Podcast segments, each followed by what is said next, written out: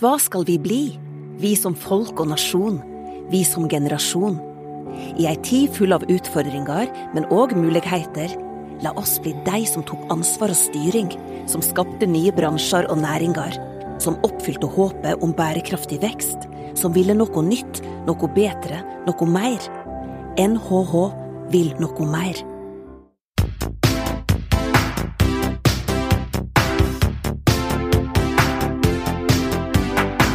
Velkommen til en ny episode av Ledertaffel, NHHs podkast om ledelse. I denne podkasten kaster vi et blikk på aktuelle tema innen organisasjon og ledelse. Vi diskuterer hva forskningen sier, og vi kommer med noen av våre tanker om hva ledere kan gjøre annerledes for å lykkes der de er. Mitt navn er Marius Jones, og jeg er ph.d.-stipendiat her ved Norges handelshøyskole. I denne episoden snakker vi om relasjoner og ledelse, og vi har med oss Nicolai Tangen, som er daglig leder i Norges Bank Investment Management. Vi snakker om hvordan utvikle seg som leder, om prosessfokus og målfokus, om mangfold og kreativitet, om humor og om relasjoner. Velkommen til en ny episode av Ledertaffel.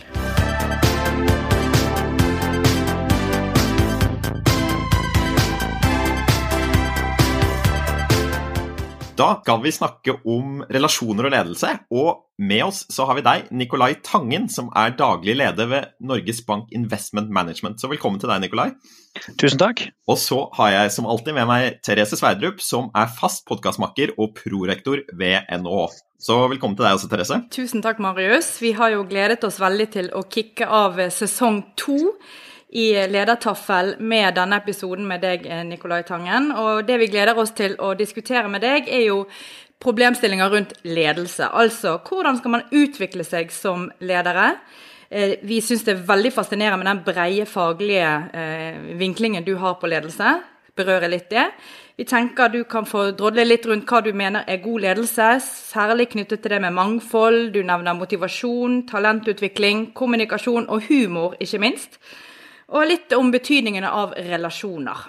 Noe som slår oss med deg, da, Nikolai, det er at du har gjort en del ting som kanskje er ganske utradisjonelt for både ledere som er i det private og i det offentlige. Og du har bl.a. hatt mastergrader innenfor kunsthistorie og sosialpsykologi. Du har gått tre måneder på den franske kokkeskolen Le Cordon Bleu. Og du sier også at du alltid gjør det som er mest vanskelig om du får valget. Eh, vi kommer jo fra en handelshøyskole hvor vi prøver å utdanne ledere til eh, både næringslivet og det offentlige. Og da vil vi begynne med å snakke litt med deg om hva som har vært viktigst for din utvikling som leder. Så vil du begynne med å si litt om når er det du har lært mest om ledelse i din karriere? Ja, altså dette er jo, eh, holdt på å si, en livslang eh, prosess. Og eh, ledelse er jo ikke noe du bare lærer sånn helt plutselig. Det er jo en, en utvikling, ikke sant. Og det begynner jo når du er, når du er ung, da. Jeg tenker det liksom begynte da jeg var speiderleder, og du forsøker å få en gjeng liksom med 14-åringer til å gå opp en lang bakke. Og så fortsetter de jo inn i militæret, da. Og, um, og, så ved å jobbe for andre først, og se på en måte hva det er som motiverer deg og ikke motiverer deg, og, og hvordan andre gjør det. Um, og så satte jeg opp mitt eget selskap, og det satte jeg opp helt fra bunnen. Så da kunne det liksom bli akkurat sånn som jeg hadde lyst til at det skulle være. Og så um, var jo en del av jobben min. Det har alltid vært å snakke med selskapsledelser. Jeg har jo møtt tusenvis av selskapsledelser i sånne intervjuer for å se om det er gode investeringer osv. Men da går det jo på å bedømme ledelsen og se hva de er, hva de er gode for, hva de tenker og hvordan strategier de har. Altså, det er jo et ganske sånn unikt uh, ståsted. Um, og så um, fikk jeg jo uh, ta en mastergrad i organisasjonsutvikling, og fikk på en måte da satt uh, teori på alt dette her, og oppdaget en del ting som jeg ikke hadde tenkt på før. Og nå er jeg jo da så heldig at jeg får lov til å, uh, til å lede oljefondet, slik at jeg kan jo sette både teori og, og praksis i, i system her. Så det er jo et utrolig privilegium. Har du noen sånne opplevelser eller noe sånt som har skjedd på veien hvor du tenker at der lærte jeg en lekse om ledelse? Eller noe som har vært sånn, på en måte særs viktig underveis? Har du noen sånn, på en måte, øyeblikk som betydde ekstra mye for deg opp gjennom karrieren i dette med å utvikle seg som leder? Ja, jeg vil si det er, hele, det er egentlig hele veien, altså. Det er små ting eh, hele veien. Men det er klart at å skulle lede et investeringsselskap gjennom finanskrisen og kjenne på det eh, stresset og forsøker å på en måte ta stresset bort. eh, fra de ansatte eh, ved å fokusere mer på prosesser og litt mindre på resultater og sånn, det var jo eh, kjempeviktig og veldig veldig lærerikt. Og så vil jeg jo si at jeg har jo uh, hatt gleden av å jobbe med en sportspsykolog i, uh, i, åtte år, som jeg kom i kontakt med gjennom, gjennom det engelske olympiske seileteamet. Og Det har jo også vært en fantastisk sak, både for meg, men også for den organisasjonen jeg jeg ledet før, og vi setter i gang et tilsvarende system nå i oljefondet. For det er veldig viktig. Så det er jo det å bruke andre disipliner da, inn i ledelse. Og, og, se hvor viktig det har vært. Det er, det er interessant, altså. Ja, for Det er jo det som eh, slår oss, eh, og som vi innledet litt med, denne breie faglige tilnærmingen. For hva er ledelsesfaget egentlig? Det, er det evnen til å reflektere? Eh, er det evnen til å ja, påvirke andre mennesker, sant? hvis vi går til definisjonen av ledelse. Men den inngangen som du da bruker, kall det det kunstfaglige, filosofiske, sportspsykologien, hva er det som kjennetegner det du trekker ut fra de fagområdene, vil du si? Nei, vet du hva jeg egentlig tror det Altså, Jeg sier til barna mine at vet du hva, de må gjøre mest mulig uh, forskjellige ting. For da får de det, gøy, da får de det gøyest mulig i livet.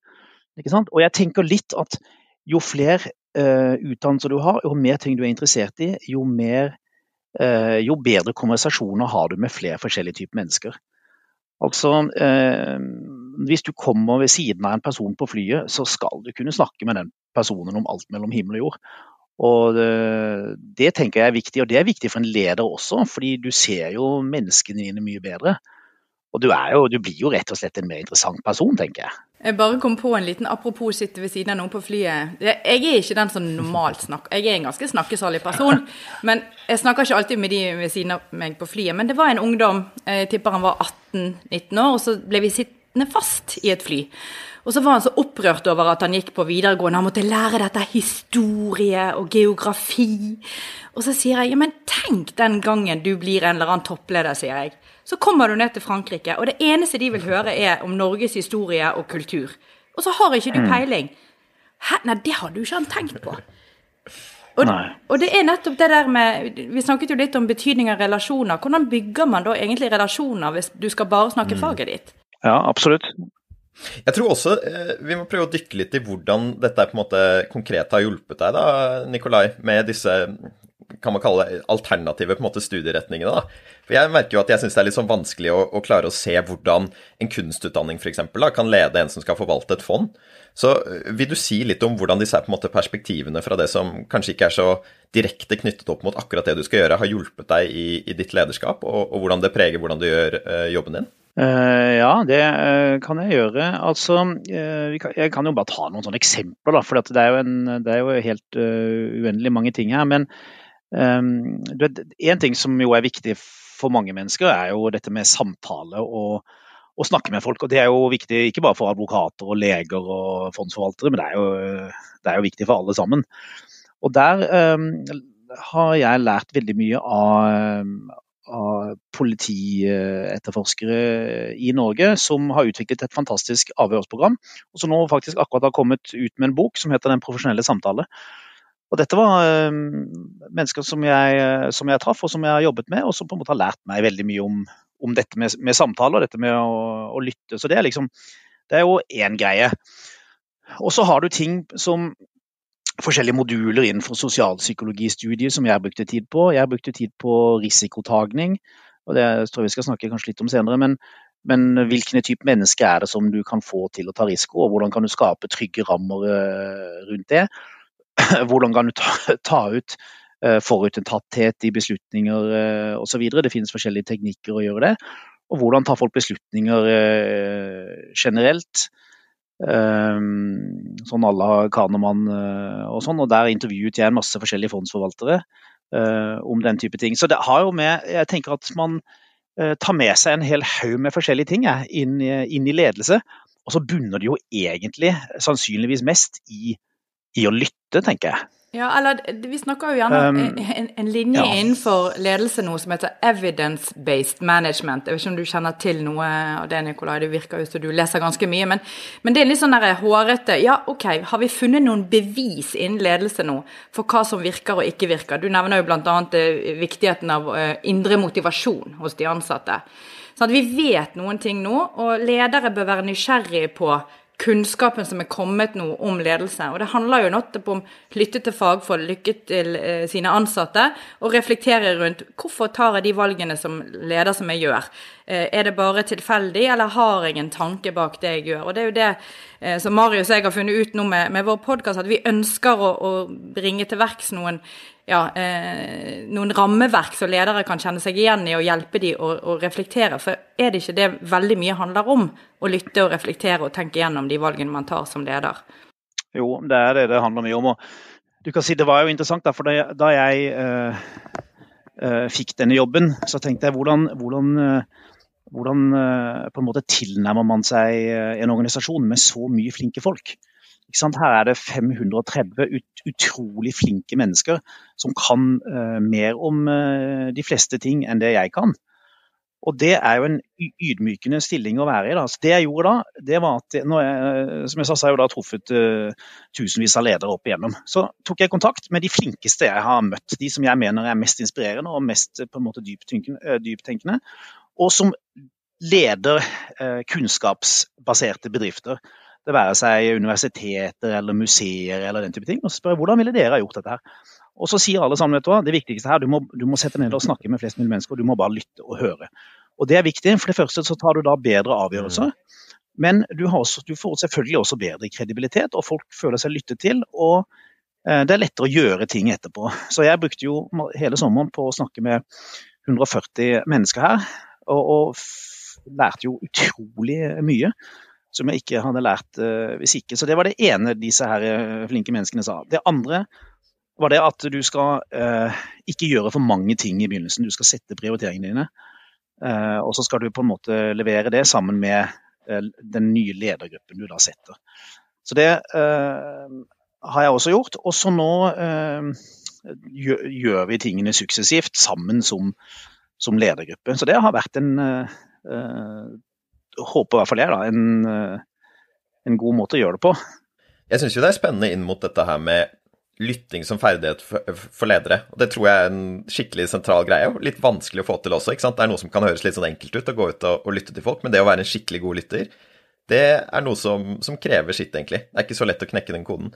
Og når jeg tenker litt på hvordan vi utdanner ledere på sånn som Handelshøyskolen, så har vi jo en del som handler om å utsette seg for ting og gjøre ting, og kanskje lytte til andre, men du har utrolig mye tid som går med til å på en måte engasjere pensum også. Altså sitte og lese om ting, hvor du faktisk kanskje ikke lærer deg dette her med å, å lytte også. Og, og, hva tenker du, Therese, hvis du skal reflektere rundt eh, måte det Nikolai sier om, om, hva han tenker er god ledelse, og hvordan eh, man på en måte kanskje blir til som en leder, opp mot hvordan vi driver lederutdanning på, NHH f.eks. Nei, og det er jo dette vi prøver å knekke koden på. sant? I forrige strategiperiode, når vi satte oss ned og, skulle lage en ny strategi for NHH, så prøvde vi å gå lengre enn noensinne på å beskrive noen ferdigheter som våre studenter skal ha i det de går ut fra NHH. Så ikke bare på at eh, de skal kunne noe om økonomi, men altså ferdigheter som å være nysgjerrig, kall det lytte, det å samarbeide. Og så må vi tilrettelegge for at de gjør det. Og det handler jo om å skape praktiske situasjoner, øvelser, simuleringer, der de får testet og får tilbakemelding på disse tingene. Og det ser jeg heldigvis at vi begynner å gå en vei på, men jeg mener vi har masse igjen der. Og, og kall det internships. Jeg vet at eh, Nikolai, dere i oljefondet har jo åpnet opp for enda flere studenter, har jeg inntrykk av, til å komme og ha internships. Så det å kanskje få en, et større samarbeid da, mellom akademia og eh, næringslivet der ute, om det er offentlig eller privat sektor, og hjelpe studentene gjennom rett og slett på refleksjonsreisen. Ikke bare at de skal gjøre det når de kommer ut fra skolen, men underveis. Det tror jeg er en, en vei å gå, da. Ja, ja. Jeg ser jo altså nå, nå, skal man jo være forsiktig med hva man sier om de forskjellige kjønnene og sånn, men altså, menn er jo spesielt elendige til å lytte. Og det, nei, men altså, det er jo bare sånn. Mener, det, du, du, går inn i et hvilket som helst middagsselskap, og så ser du jo at menn sitter jo bare og kjeder moderdamen til, til, døden. altså. Det er Jøss, har du fått med deg det, eh, Nikolai? For det har jeg opplevd mange ganger. Selvfølgelig har du det, for det er jo dessverre sånn det er. Og, og, kanskje er det ekstra ille i Bergen, eh, men, men, det er mulig det er det også. Men det er ganske ille over hele linja, altså. Hvordan får man til dette med å bli en god lytter? For det er jo både vanskelig kanskje å få det til, og så er det kanskje litt vanskelig å se seg selv utenfra også, da, hvis man er en som sitter og kjeder borddamen sin eller kollegene sine også. Hva, hva tenker du tanken? Hva, Nikolai, hva er det som har hjulpet deg med å bli en bedre lytter? Ja, altså Nå skal ikke jeg påstå at jeg er den beste lytteren i verden, fordi jeg liker jo å snakke, jeg også. Men, eh, men det, handler vel, det handler vel å være, om å være interessert i mennesker, da og forsøke å finne på en måte kontaktpunktene. Vi har, jo, vi har, jo, ting som er felles for oss alle sammen, men uansett hvem du kommer ved siden av, så har de jo foreldre og søsken, og, og mange har barn og greier. og det er, jo, det er jo temmelig universale problemstillinger vi jobber med. Så, og det er jo interessant å få forskjellig syn på det, uansett hvordan utdannelse eller eh, startpunkt folk har. da. Så det er liksom den der generelle interessen, og det er vel kanskje noe jeg har lært av kona mi. og det å se mennesker mer enn jeg gjorde før. Og så tror jeg det kommer litt med alder, eh, faktisk. I hvert fall hvis man er obs på det. Ja, veldig interessant, og jeg håper jo lytterne våre lytter faktisk til dette her. Eh, og en, en, annen ting jeg syns det har vært interessant å se deg uttale deg om, eh, i forhold til det å lytte en ting, refleksjon osv., det er dette med å feile. Eh, jeg vil jo si sjøl at uh, en reise innenfor ledelse, uh, når man leser litteraturen osv., er heldigvis der at man skal ha mot, man skal tørre å feile, og man skal tørre å snakke om det. Jeg er veldig glad for å se den retningen. Det å vise sårbarhet. Har du noen eksempler på der du har faktisk tørt å fortelle om feilene dine og reaksjoner du har fått, og hva reise det har vært for deg i å komme til det steget å tørre å fortelle om feil? Ja, altså Det som er holdt på å si, både fint og ille med denne jobben, her, er at du feiler jo minst 48 av gangene dine. Så det er jo en del av livet, ikke sant. Så, øh, og Det er jo derfor det er, det er en litt ganske sånn ydmykende jobb. Så hvis du ikke kan snakke om feilene dine i kapitalforvaltning, altså da har du jo ingenting her å gjøre. Fordi mm. det er jo den eneste måten du kan bli bedre på. Og det vi jobber med nå, det er å sette feilene våre inn i et system slik at vi virkelig kan lære av det. Så vi holder på nå å lage en altså det, det, er, jo, det er, jo, interessant, da, men hvis du går eksempel, eh, du ser på hopp, så er en, en hopper er oppe i lufta uh, i løpet av et år ca. 5 15 minutter. Så da må du jo ha Det er jo ikke mye, det er jo ikke mye, ikke sant. Så du må jo jobbe med simulatorer og sånn, og du må uh, øve deg på jobben din gjennom det. Og På samme måte er det jo litt sånn kapitalforvaltning. for hvis du, hvis du jobber i denne her businessen her i 30 år, så har du kanskje tre ganger hvor du er utsatt for ekstremt stress. Du hadde mm. det i forbindelse med finanskrisen, du hadde det nå i våres, og så har du det kanskje om ti år eller fem år eller når neste krise kommer, eller kanskje det kommer i morgen, hvem vet. Men i hvert fall, du har veldig få av disse kriseperiodene, så du må på en måte øve deg på å eh, leve gjennom det. Og du må øve deg på en hel rekke ting, og du må ha et system som gir, gir, deg feilene tilbake, slik at du ikke gjør de samme feilene på nytt. Så vi jobber nå med å lage en sånn simulator som drar uh, hundrevis av millioner av datapunkter fra de enkelte uh, porteføljeforvalterne. Altså trade de har gjort tidligere. og du kan lese om altså de har vært stresset, for det ser du på hvordan, hvordan performancen sin har vært uh, året før, f.eks. Altså, hvordan, hvordan agerer du når du er, når du er stresset? Hvordan, uh, hvor flink er du til å gå mot strømmen? Um, altså En hel rekke av disse her tiltakene. Um, hva er det du baserer beslutningen din på? Fordi at mm. Noen av oss har gode grunner til å gjøre en beslutning, og andre, og andre grunner er dårlige. Så du må på en måte få satt dette her i et system. Så det å systematisk lære av feilene dine, det er man mm. utrolig flinke til i sport og idrett. Og det må vi bli flinke til i andre yrker også. Jeg synes det er veldig, For å dra en parallell til andre selskaper som har gjort dette her ganske bra, synes jeg, så er det Spotify. Har jo sånne fail walls på kontoret sitt, hvor de sier at alle ansatte skal skrive ned det som går galt, det som er feil, og det som ikke funker. Og så skal de juble litt hver gang de får opp en feil, for da har du på en måte muligheten til å lære av det. Og en annen organisasjon er en som heter givewell.org, som har faktisk på nettsiden sin en fane som heter 'Things we were wrong about', eller 'Things we did wrong'. Altså at de på en måte lister feilene sine, har en slags sånn feillogg som følger dem underveis også. Eh, og jeg syns jo også det er ganske kult da, å si at måte, det å være ærlig med feilene våre og åpne om feilene våre er på en måte en forutsetning for å endre seg. Og jeg vet ikke om dere har gjort noe sånt også, Nikolai. Er det noen sånne måter dere plukker opp det som på en måte ikke funker i dag i organisasjonen deres eller i lederskapet ditt for øvrig, eller noe sånt, da, for å uh, dytte det i riktig retning? Ja, altså nå lager vi jo denne, jeg må bare si det en ting. For det første, det er jo ingen som liker folk som ikke innrømmer feil. Altså, Hvis du bare går rundt og later som du er perfekt, så, blir, så er det jo ingen som liker deg. Så hvis du som leder skal bli respektert, så må du jo innrømme feilene dine. Og på en måte gjøre det i det offentlige rom. Da får du jo mye mer tillit. Så det tenker jeg er viktig. Men vi jobber jo med det, eller øh, jobber jo med dette her med å lage systemer for å se på feil. Jeg mener det er kjempeviktig. Og vi Eh, faktisk eh, senere i dag eh, annonserer jo at vi har ansatt kanskje den beste idrettspsykologen i Norge til å jobbe med oss på den type ting. Så han har jobbet i Olympiatoppen lenge med hopp og kombinert løp og tennis og den type ting. Han har også jobbet med jagerflygere. Så han begynner nå i, i 60 %-stilling hos oss for å jobbe med beslutningstagerne eh, på dette feltet her. Veldig spennende. Skal Vi gå over til, altså vi har jo snakket egentlig om ledelse og, og din eh, innstilling til ledelse, men hva er god ledelse? Eh, hvordan vil du beskrive ditt lederskap, hvis du skulle hatt noen poenger på det, Nikolai?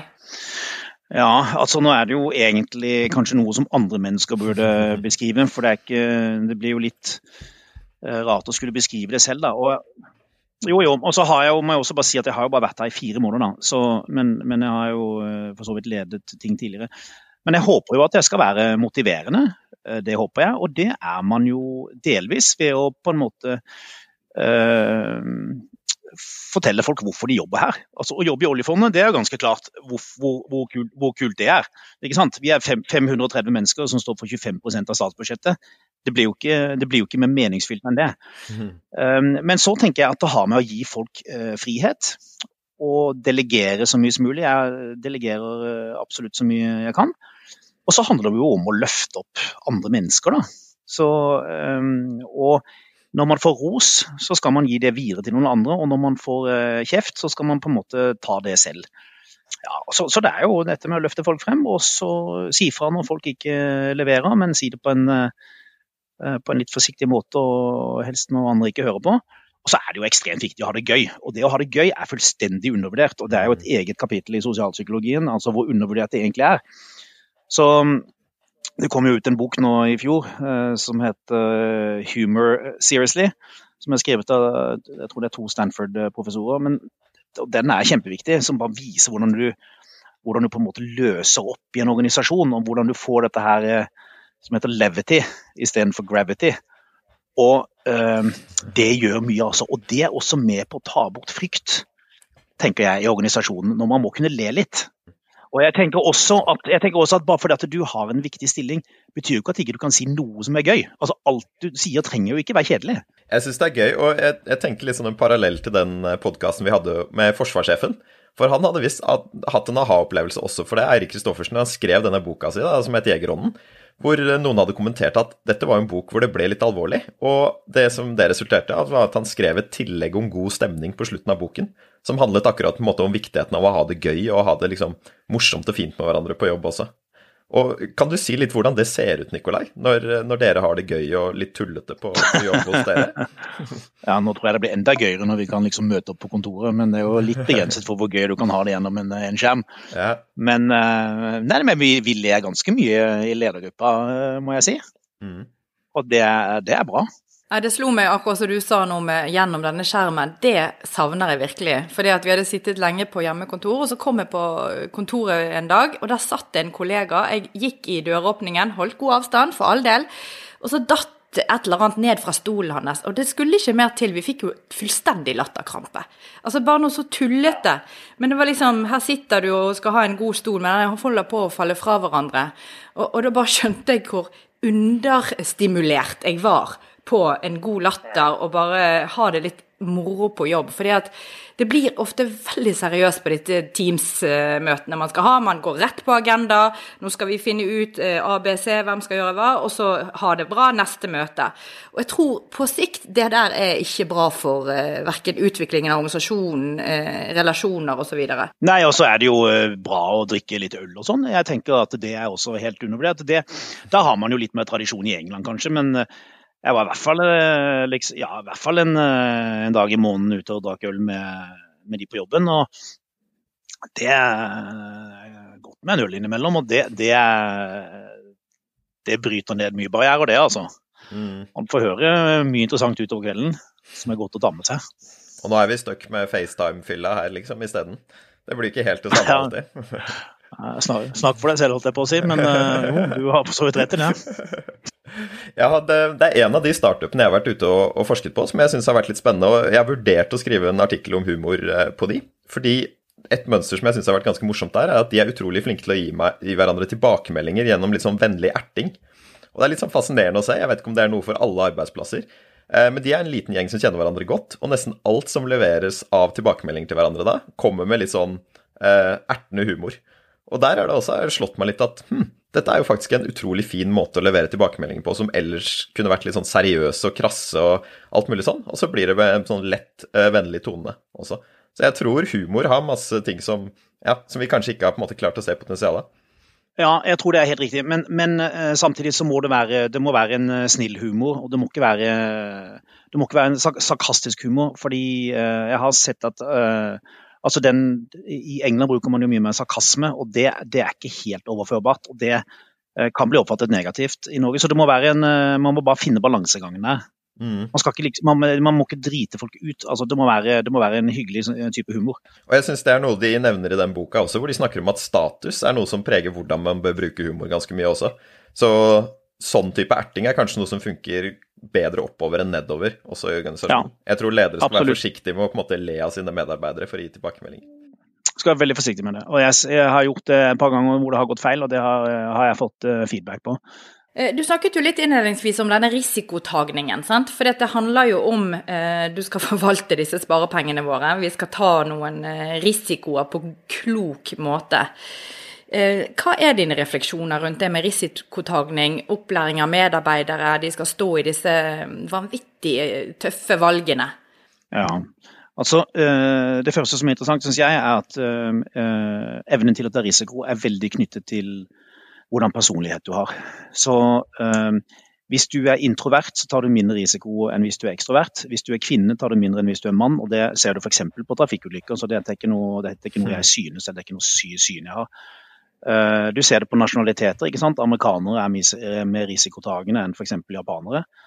Så noen mennesker syns bare det er skikkelig eh, vondt å ta risiko, eh, mens andre syns det er fint.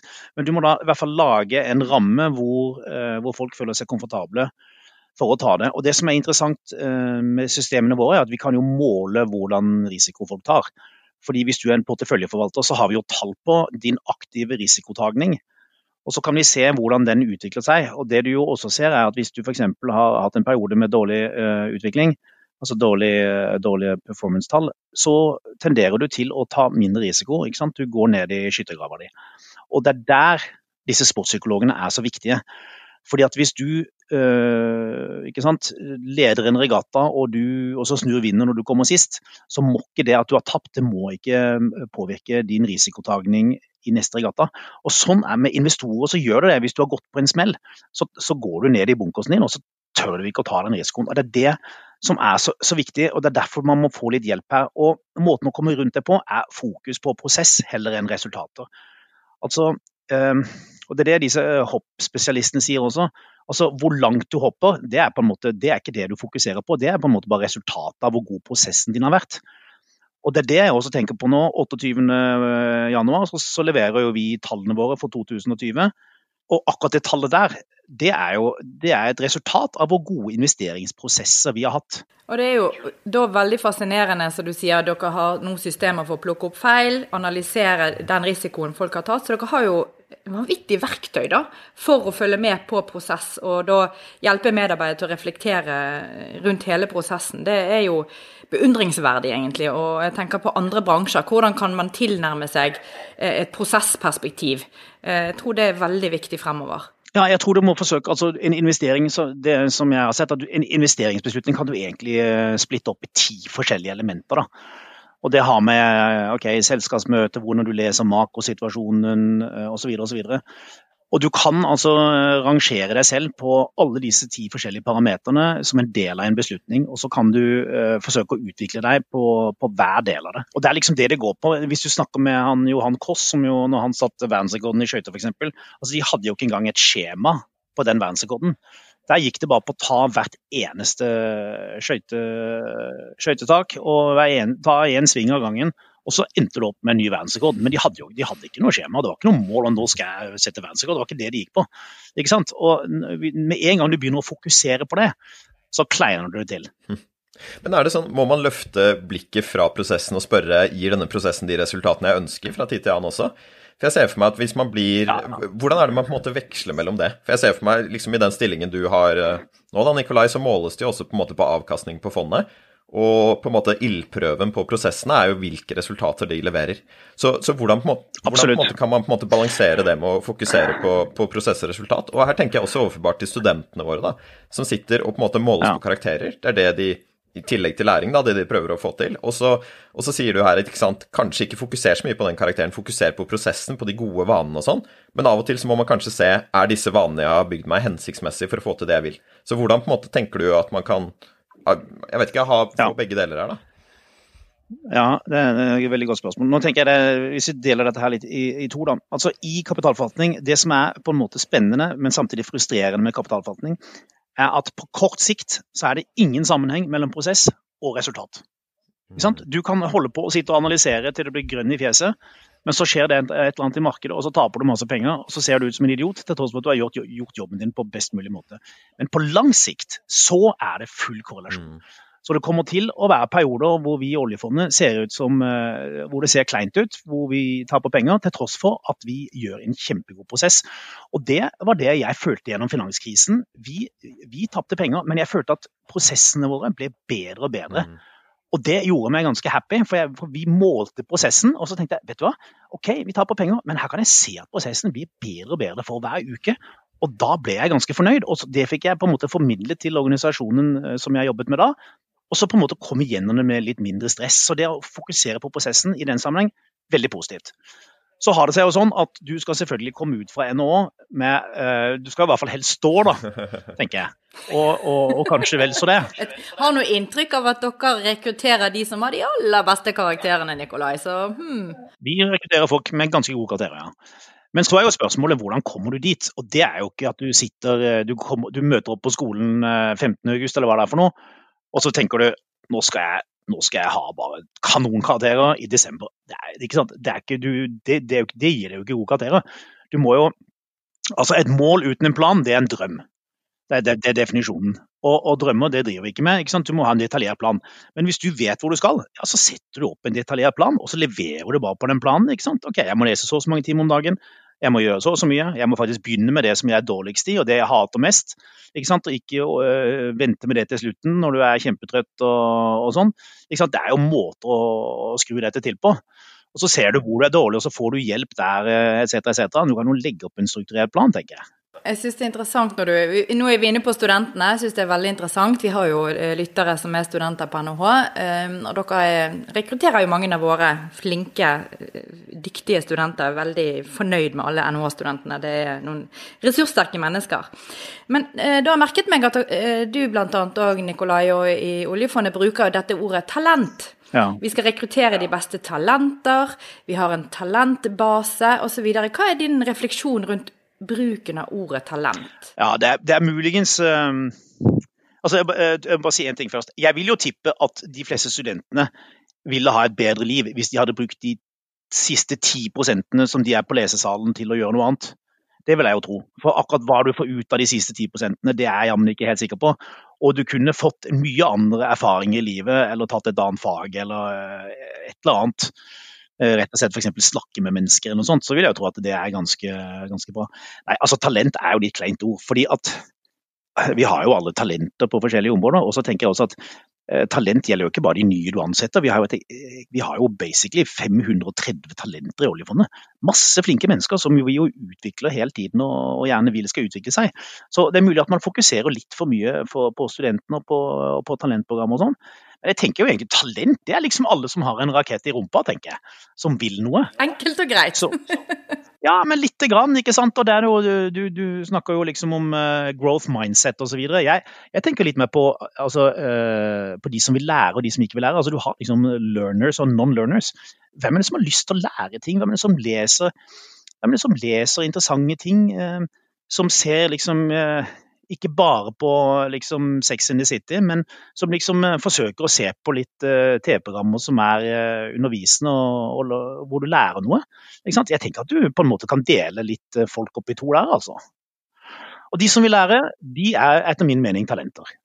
Ja, og jeg elsker det svaret ditt, bare for å si det sånn. Fordi at min grunn til at jeg stiller det spørsmålet, er jo at man har sett noe opp gjennom Jeg tror det var McKinsey som skrev en bok eller som var veldig fokusert på denne The War for Talent. Eh, og så begynte en del virksomheter å ha sånne type talentprogrammer. Det vil si at de på en måte tok en runde rundt i organisasjonen, fant de som var de beste talentene på et eller annet parameter, plukket de ut, og så skulle de på en måte få noe ekstra.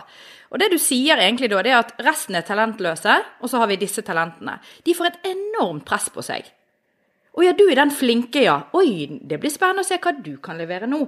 Så jeg tenker det, er der vi må passe oss for hvilken båssetting vi gjør. For det er jo som du sier, alle er jo talenter hvis de har lyst til å lære, og hvis de har lyst til å utvikle seg. Sånn ser jeg det. Og det er derfor jeg syns det er spennende med den forskningen til Carol Dweck Eh, mulig vi har berørt det i tidligere podkaster, men hun snakker om at man får igjen en, et skille mellom det man kaller et fixed mindset, der man liksom sier at noen er et talent, noen er ikke. Og så slutter man å utvikle seg, for jeg ble jo bare kategorisert som jeg en som ikke har talent. Mens et growth mindset er nettopp det at alle har muligheten til å lære og utvikle seg hvis man er nysgjerrig og villig til å åpne opp. Sant? Og det tenker jeg er det viktigste. for det jeg vet at våre NHH-studenter også, sant? det er høye karakterer for å komme inn på NHH, og du ser rundt i salen, og så tenker du Oi, hvem er jeg i denne flokken her? Og hvordan skal jeg skille meg ut? Sant? Det, er, det er vanskelig. Hvis jeg skal ta litt deres perspektiv på dette, her da, for jeg syns det er utrolig fint det du sier, Nikolai, med at det handler om disse prosesstingene, og det du også sier, Therese, at det handler om dette liksom growth mindsetet. Og så, jeg, Det er ikke så lenge siden jeg var på skolebenken, og da opplevde jeg også at de tingene var fint, men så samtidig så, så jeg også på en måte et arbeidsmarked som skriker litt etter karakterer, på en måte har et høyt krav. Jeg har også kommet til den skolen jeg har kommet på pga. karakterene mine, ikke pga. Eller kanskje indirekte pga. prosesstingene, da, men tilsynelatende ikke, i hvert fall. da. Og, og, der tror jeg studentene står i en litt sånn, kanskje en litt spagat, da, med kanskje et ønske om å være prosessfokuserte, tenke bredt, gå ut og møte nye impulser, gå ut og ha disse samtalene, på en måte. Og samtidig så ser de et litt kanskje um, rått arbeidsmarked, da. Hvor det de har på papiret, teller ganske mye. Særlig for å få en foten inn døra for på en måte første gang. da. Og Har dere noen på en måte refleksjoner rundt hvordan de skal forholde seg til denne her, på en måte litt sånn spagaten mellom det å fokusere på prosess og se bredt og fokusere på læring, og det å kanskje måtte få noen skikkelig gode karakterer for å på en måte kunne ta neste steg? Nei, du, det er absolutt en spagat, og denne spagaten er jo ikke blitt noe bedre av den situasjonen mm. vi står oppe i nå, med, med koronaen, som er jo eh, ekstremt frustrerende for studenter. og det er, det er, rett og slett ekstremt uh, frustrerende. Altså det, det er, nå er jo ikke dette her nødvendigvis en studentpodkast, men det er kanskje noen som hører på likevel. og det, jeg tenker Det viktigste er for de som har problemer med å få jobb, det er å tenke at dette er ikke min feil. Det er, for dette er faktisk ikke din feil. Dette er en, dette er en meteor som kommer eh, fra venstresida, som, som på en måte har forandret hele samfunnet. og Det at du ikke får jobb, har ingenting med deg å gjøre. Din livsverdi og din egenverdi og du som menneske er fremdeles eh, en fantastisk person.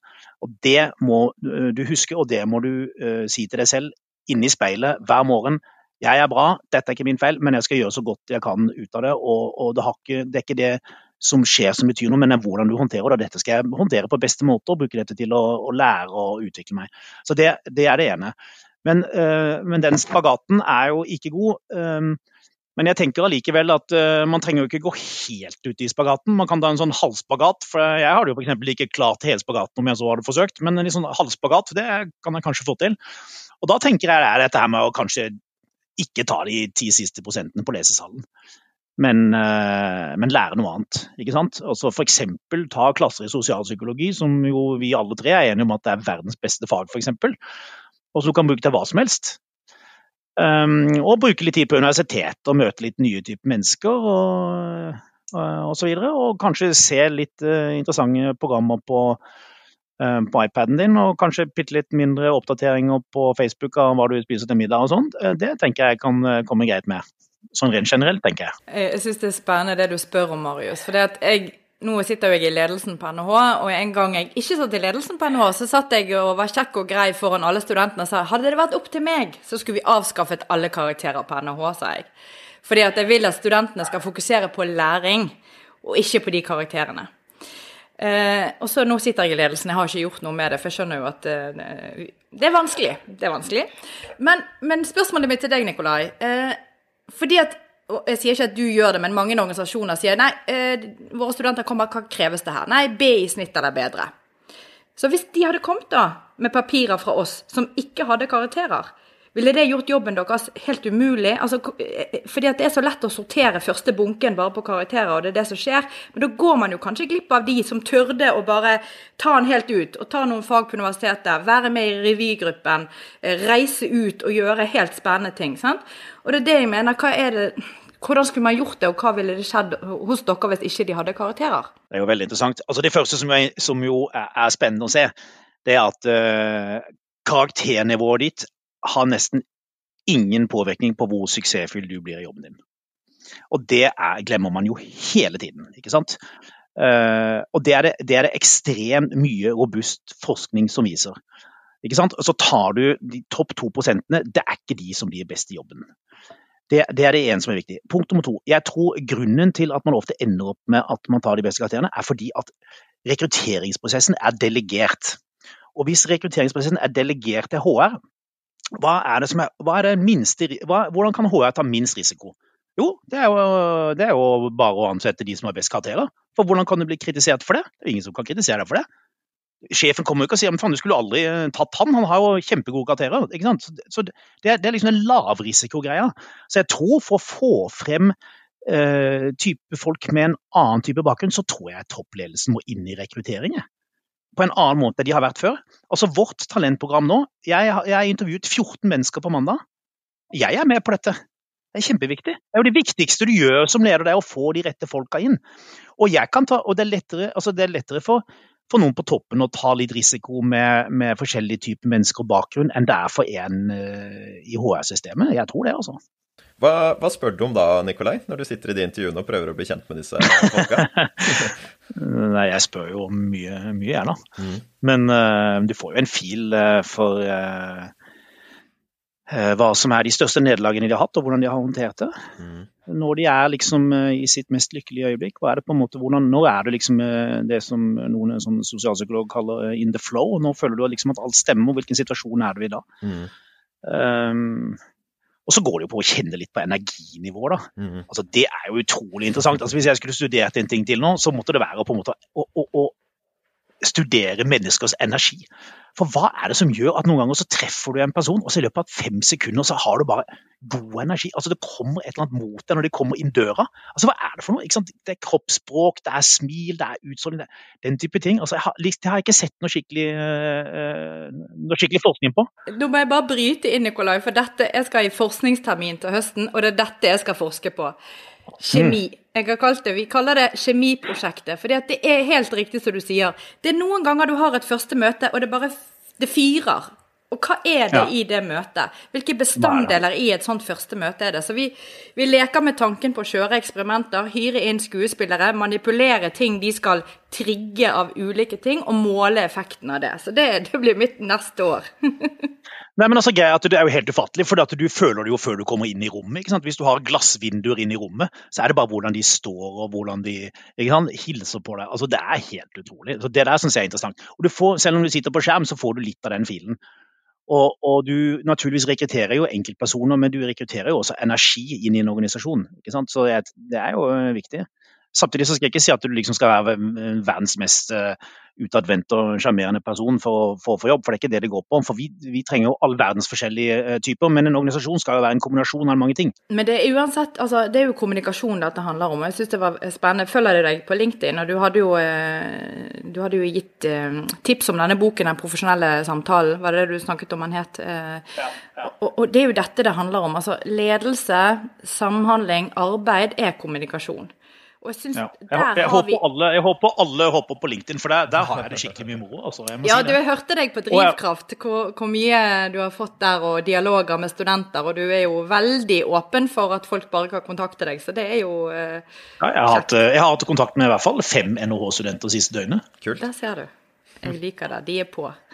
Men i hvert fall kommunikasjon, og, og igjen da så syns jeg at eh, Tilbake til sosialpsykologien, da, Nikolai, som vi er glad i her. Men jeg syns vi har en vei å gå likevel på å forstå kommunikasjon som verktøy i all samhandling. Fordi at det handler om ord du bruker, det handler om kroppsspråket. Vi sier det er viktig, men, men hvilke bestanddeler? Og som jeg sa, det å knekke dette mer ned, det, det syns jeg fortsatt vi har en vei å gå på, som jeg eh, håper vi på, på NHH kan bidra med forskningsmessig. da, til ja, ja. Altså vi, En ting vi har gjort uh, i oljefondet, er jo Vi har jo jobbet veldig mye med internkommunikasjonen uh, de, de, siste månedene. Og sett egentlig på hvem vi mener gjør dette veldig bra i Norge og har lært av sånn som Skipsted og, og Skatteetaten, som har vært veldig, veldig vennlige med å dele det de kan. Og de har vi forsøkt å lære av. Um, så min filosofi er at skal, vi skal dele alt vi kan. Dette er ikke need to know, men det skal være en god grunn for å ikke dele noe. Så det er det motsatte av need to know. Så når vi har ledergruppemøter nå, så blir notatene delt med resten av organisasjonen Kult. i løpet av noen få dager. Uh, og det er klart at Jo mer alle vet i hvilken retning vi skal, jo enklere er det å komme dit har dere sånn, bare for å grave litt i dette med kjemi og energi og Hvis vi sier at måte, det er ingen som kanskje har knekt koden ennå, kanskje Therese og, og co. gjør det til høsten på NHH, men uh, har dere noen hypoteser eller, om hva som på en måte ligger bak uh, kjemien som skjer mellom folk, eller energien som noen har med seg inn? Her tenker jeg både deg, Therese, da, som skal inn i dette som forsker, men kanskje deg også, Nikolai, som, som virker å ha tenkt litt på dette her. Hva er det som på en måte ligger bak, da, når noen virker å klikke? Der tenker jeg Therese har en svar på dette. jeg skal jo finne det svaret. Men det er klart vi har noen, vi har noen tanker om det. Jeg har jo jeg har jo studert, jeg har jo vært ute i bedrifter. Jeg liker jo å jobbe kvalitativt. Jeg elsker jo å snakke med folk. Jeg elsker å intervjue dem og høre med dem hva, hva som gjør at de blir fascinert av hverandre osv. Det som slår meg, og det, og det, er nesten litt banalt, men det er jo denne likhetseffekten, som vi gjerne kaller det. Idet du treffer noen, og du klikker på et eller annet vi, vi, er fascinert av et fagfelt, vi har gått på samme skole, vi har, er fra samme by. Det er utrolig enkelt hvordan sånne ting kan være med å fyre en, en, en energi i noen. Sant? Det er det ene. Det andre er jo rett og slett personligheten til folk. Sant? Du sa litt til Nikolai, altså, vi vil jo egentlig ikke at alle skal være sånne her eh, energipropper, eh, karismatiske, for det, det blir for enkelt. Men det er tross alt forskning som viser at karisma og, og, måten å se hverandre på og, og, føle seg sett har noe å si i de øyeblikkene der. Og så vil jo ikke tilbake til sant, type lederteorier. Eh, autentisk ledelse er noe som heter. Så, jeg er ikke så begeistret for eh, litteraturen der, men det er likevel noe der du kan ikke fake på deg karisma. Altså det, det må jo være ekte, hvis ikke blir det jo bare banalt. sant? Ja, jeg er helt enig, jeg at, jeg er helt enig at man må være autentisk å vise hvem du er, på godt og vondt, det er kjempeviktig. Men når det gjelder den energien, denne likhetsenergien, så tenker jeg at det er jo en, det er jo en utrolig Det er jo, mener jeg en veldig negativ ting. For det er jo derfor man rekrutterer den samme type eh, som du er selv. Ikke sant? At, uh, fordi at du uh, La oss si, Marius, at uh, Hvor er du fra, f.eks.? Du er fra Lørenskog. Ja, ikke sant? Men ikke sant? du er fra Lørenskog og sikkert glad i å gå på, på rulleski og alt mulig sånt. Ja. Eh, det betyr jo ikke at alle du rekrutterer skal være fra Lørenskog og være glad i å gå på rulleski og, og ha liksom eh, skjegg. Mm. Så, så, eh, er, så, den tenker jeg er litt sånn viktig på en måte å navigere rundt. Ja, for det, det er så lett å gå i den fellen. Og det jo, har jo vi sett på intervjuer òg. Når folk skal ha rekrutteringsintervjuer, så blir man rammet av likhetseffekten. Fordi at man tror man mm. liker de fordi vi har noe felles. Og så er det egentlig det du skal komme deg rundt fra. Eh, du skal jo tørre å bli utfordret. Så, mm. ja. Men jeg tenker vi skal skifte litt tema, for jeg syns vi må innom mangfold, Nikolai. Mm. Eh. Du har sagt at vi må rekruttere folk som er noe annet enn økonomer, f.eks. Jeg liker jo ikke å høre det, som utdanner økonomer fra NHH, men jeg skjønner hva du mener. Eh, som du sier i England, ansatte prester, historikere, psykologer. Hva, hvorfor er mangfold viktig? Fordi jo, eh, når du ser på, eh, på, kreativitet og nye ideer og nye oppfinnelser, så handler det om å sette sammen mennesker som er forskjellige. Og det er, da, det er da du får kreativitet, det er da du får gode resultater, og det er da det rett og slett blir penger ut av det. Og hvis du leser disse bøkene, er det Steve Johnson han heter for eksempel, som har skrevet 'Where do good ideas come from', så er det eh, faktisk en korrelasjon mellom hvor mange venner du har i forskjellige miljøer som tenker annerledes enn deg selv, og hvor eh, kreativ du er som person. Så det tenker jeg er en fullstendig eh, no-brainer, det der jeg er der, altså. Og i Norge har vi jo ikke noe eh, tradisjon. I, I, Norge så spesialiserer vi oss jo veldig tidlig. ikke sant? Jeg begynte jo på handelsgym Eh, når, hvor gammel er man da? 16-17 år eller noe sånt. Da skulle jeg holde på med debet og kreditt, for jeg var 16 år gammel. Mens i Amerika får du ikke lov til å begynne med sånn før du er 25. Det er jo nesten forbudt. Uh, så, så, jeg vil tippe at hvis du liksom gikk på Harvard og forsøkte å ta en debut- og kredittklasse, det tror jeg ikke du får lov til før du går på MBA. MBA. Men, så vi begynner, vi spesialiserer oss veldig tidlig, og det det norske skolesystemet er superbra, det, altså. Men akkurat den biten der eh, tenker jeg kan, vi kan gjøre enda bedre med å være bredere i utdannelsen. Og at vi tenker litt bredere som eh, når vi ansetter folk. Altså Dette talentprogrammet som vi nå tar inn mennesker til, her er det mye bredere Eh, nå er vi jo midt i prosessen, da, men eh, jeg er temmelig sikker på at de vi ender opp med, har bredere bakgrunn. Altså, De er ekstremt skoleflinke, men de har bredere bakgrunn. Og jeg tenker at Hvis du er en flink ingeniør, så kan du bli en fantastisk porteføljeforvalter. Jeg syns det er spennende når du ikke sant, for du snakker om mangfold og diversitet, og da er det ideer som kanskje er det sentrale her. Vi må ha mangfold i ideer. Ja. Og jeg syns et en morsom sitat om kreativitet da, er jo at kreativitet er, eller kreativitet skjer, når ideer har sex. Altså på en måte at du har ideer fra på en måte forskjellige felter som kommer sammen, og så blir det noe nytt ut av det. Så det er ikke alltid at kreativiteten egentlig er noe nytt som man henter ned fra lufta, da, men det handler om å kombinere ting. da. Og så syns jeg også ofte når vi snakker om mangfold og diversitet, så blir det at vi går til denne overflatediversiteten som er lett å se, type etnisitet og kjønn. Og det er jo ikke sikkert at eh, diversitet i på en måte disse overflatekarakteristikkene eh, egentlig skjuler noe eh, eh, diversitet i ideer under her, på en måte. Så, så, hvordan er det dere går fram Nikolai, for å sørge for at når dere skal ha diversitet og mangfold, at dere også får det i ideer og tanker? Ja, Her er vi sannsynligvis i begynnelsen på, på der hvor vi kan dra. Altså, det er helt enig med deg når det gjelder mindre menn og kvinner, og sånn, så er det liksom helt opplest og vedtatt. Og i, i, fjor så rekrutterte vi uh, altså 48% av nyansatte i oljefondet var kvinner. Så vi, der er vi jo på en måte, Når det gjelder nyansettelser, så har vi kommet Eh, langt, så har vi vært litt, litt, mindre flinke til å holde på, på kvinner. Men, så, men er, her er liksom er vi i, i det, der, det, der, vet vi hvordan vi skal gjøre, tror jeg. Um, og Det samme gjelder eh, etnisitet og sånn. Det er også sånn temmelig Eh, logisk hvordan du kommer dit. og Det tenker vi at sommerprogrammet vårt skal hjelpe bra. For der skal vi ha 20-25 eh, ungdommer. Så der, der man, Det der kan man bruke sånne ting til. Mm. Nei, Men så har det med hvordan du, hvordan du setter sammen grupper som tenker annerledes. Og en av de viktige tingene der er jo på en måte å være vant til å jobbe i et miljø hvor det ikke er konsensus. Mm. Og greia i investeringer er jo at hvis det er konsensus, så er det ikke noe god investering, eh, sannsynligvis. Det er jo litt herlig. Det, Enkel leveregel. ja, det er det. Også det er jo mm, har, altså du har liksom, Hvis du på, på Y-aksen din har eh, øverst eh, rett og nederst galt, mm. og så på X-aksen, som går da horisontalt, har alle er enige, ingen er enig, mm. så ligger alle pengene der hvor du har rett og ingen er enig.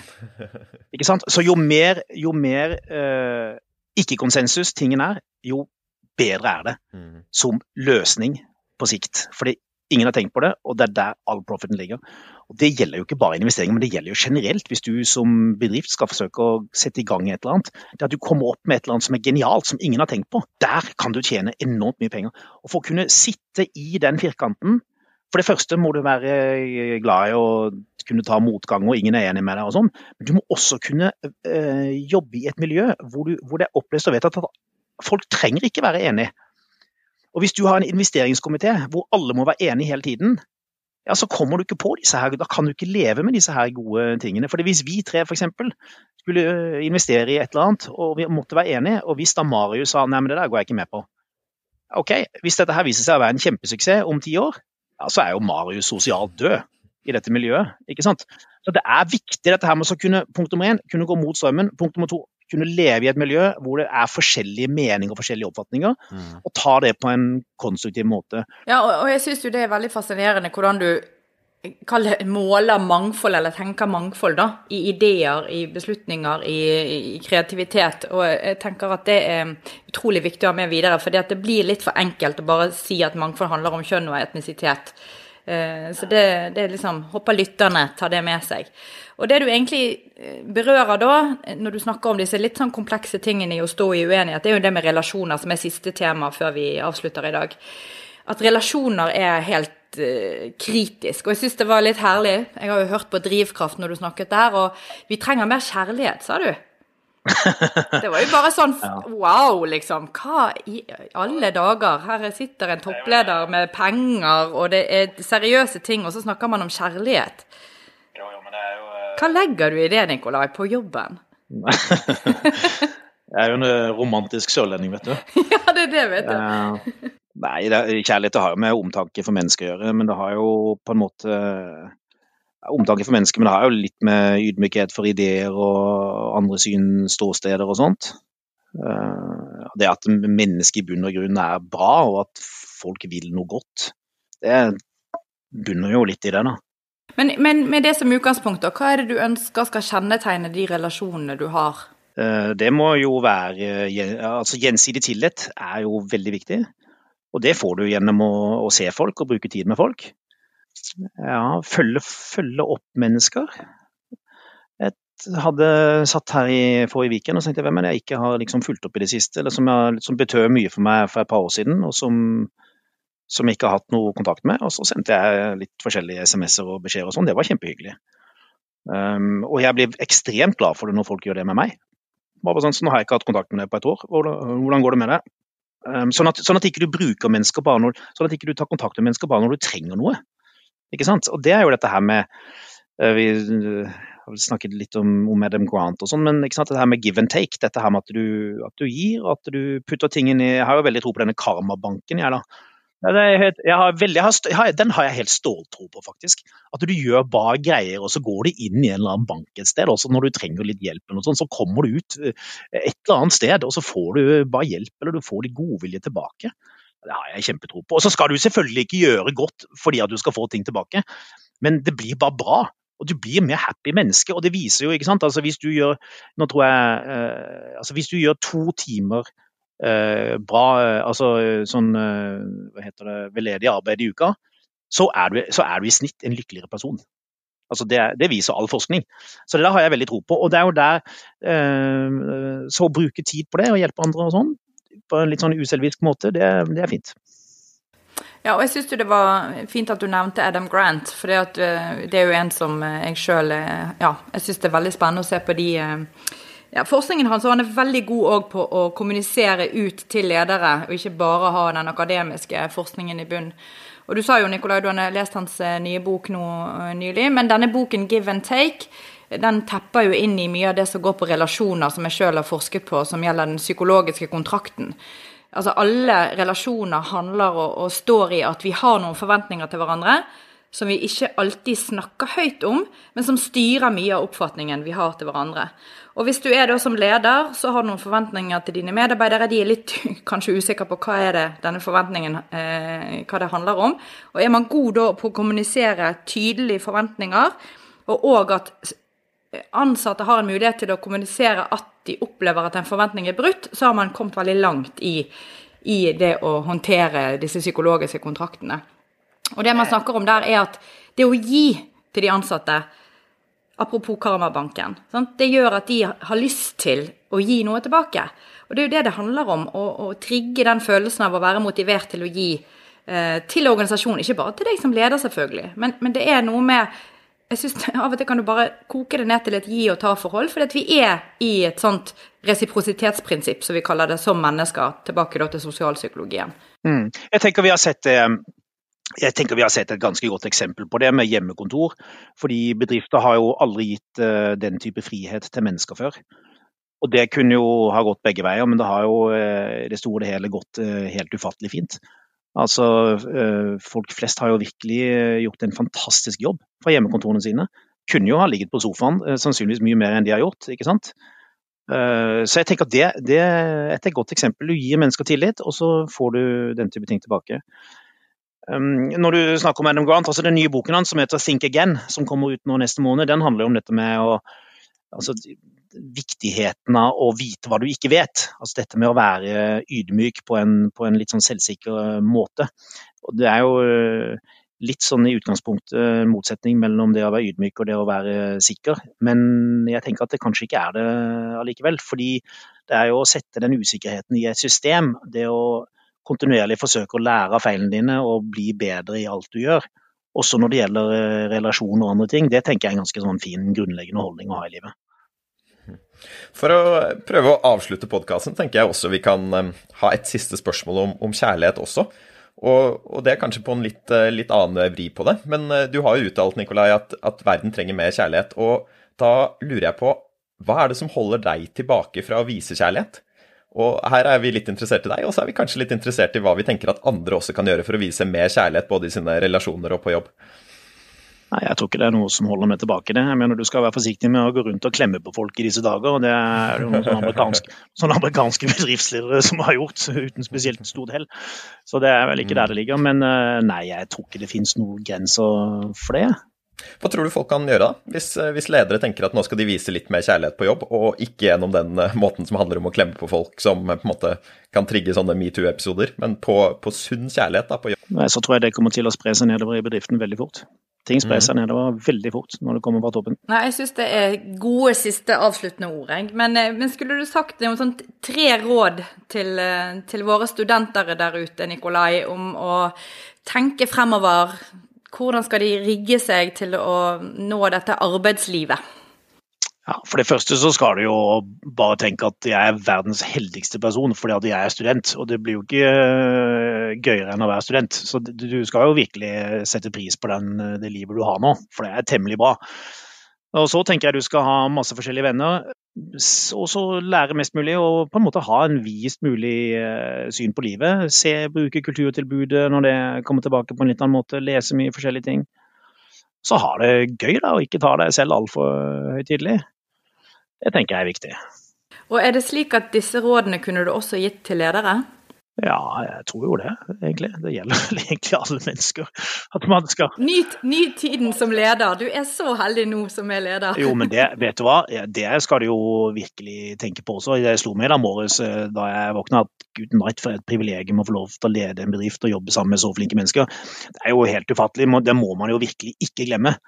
At eh, det er en privilegert situasjon. Og, eh, men også som leder skal man jo på en måte forsøke å treffe mest mulig eh, mennesker som tenker annerledes enn deg selv. Og, og benytte kulturtilbud og lese bredt og, og, og, ha det gøy, naturligvis. Og jeg tenker det er flott å avslutte med den, og vi håper at alle de som har hørt på, både studenter og ledere, har både lyttet og hatt det morsomt på veien og tar med seg de rådene. Så tusen takk for at du var med, Nikolai Tangen. Tusen takk skal dere ha. Og tusen takk, Therese. Tusen takk, Marius og Nikolai.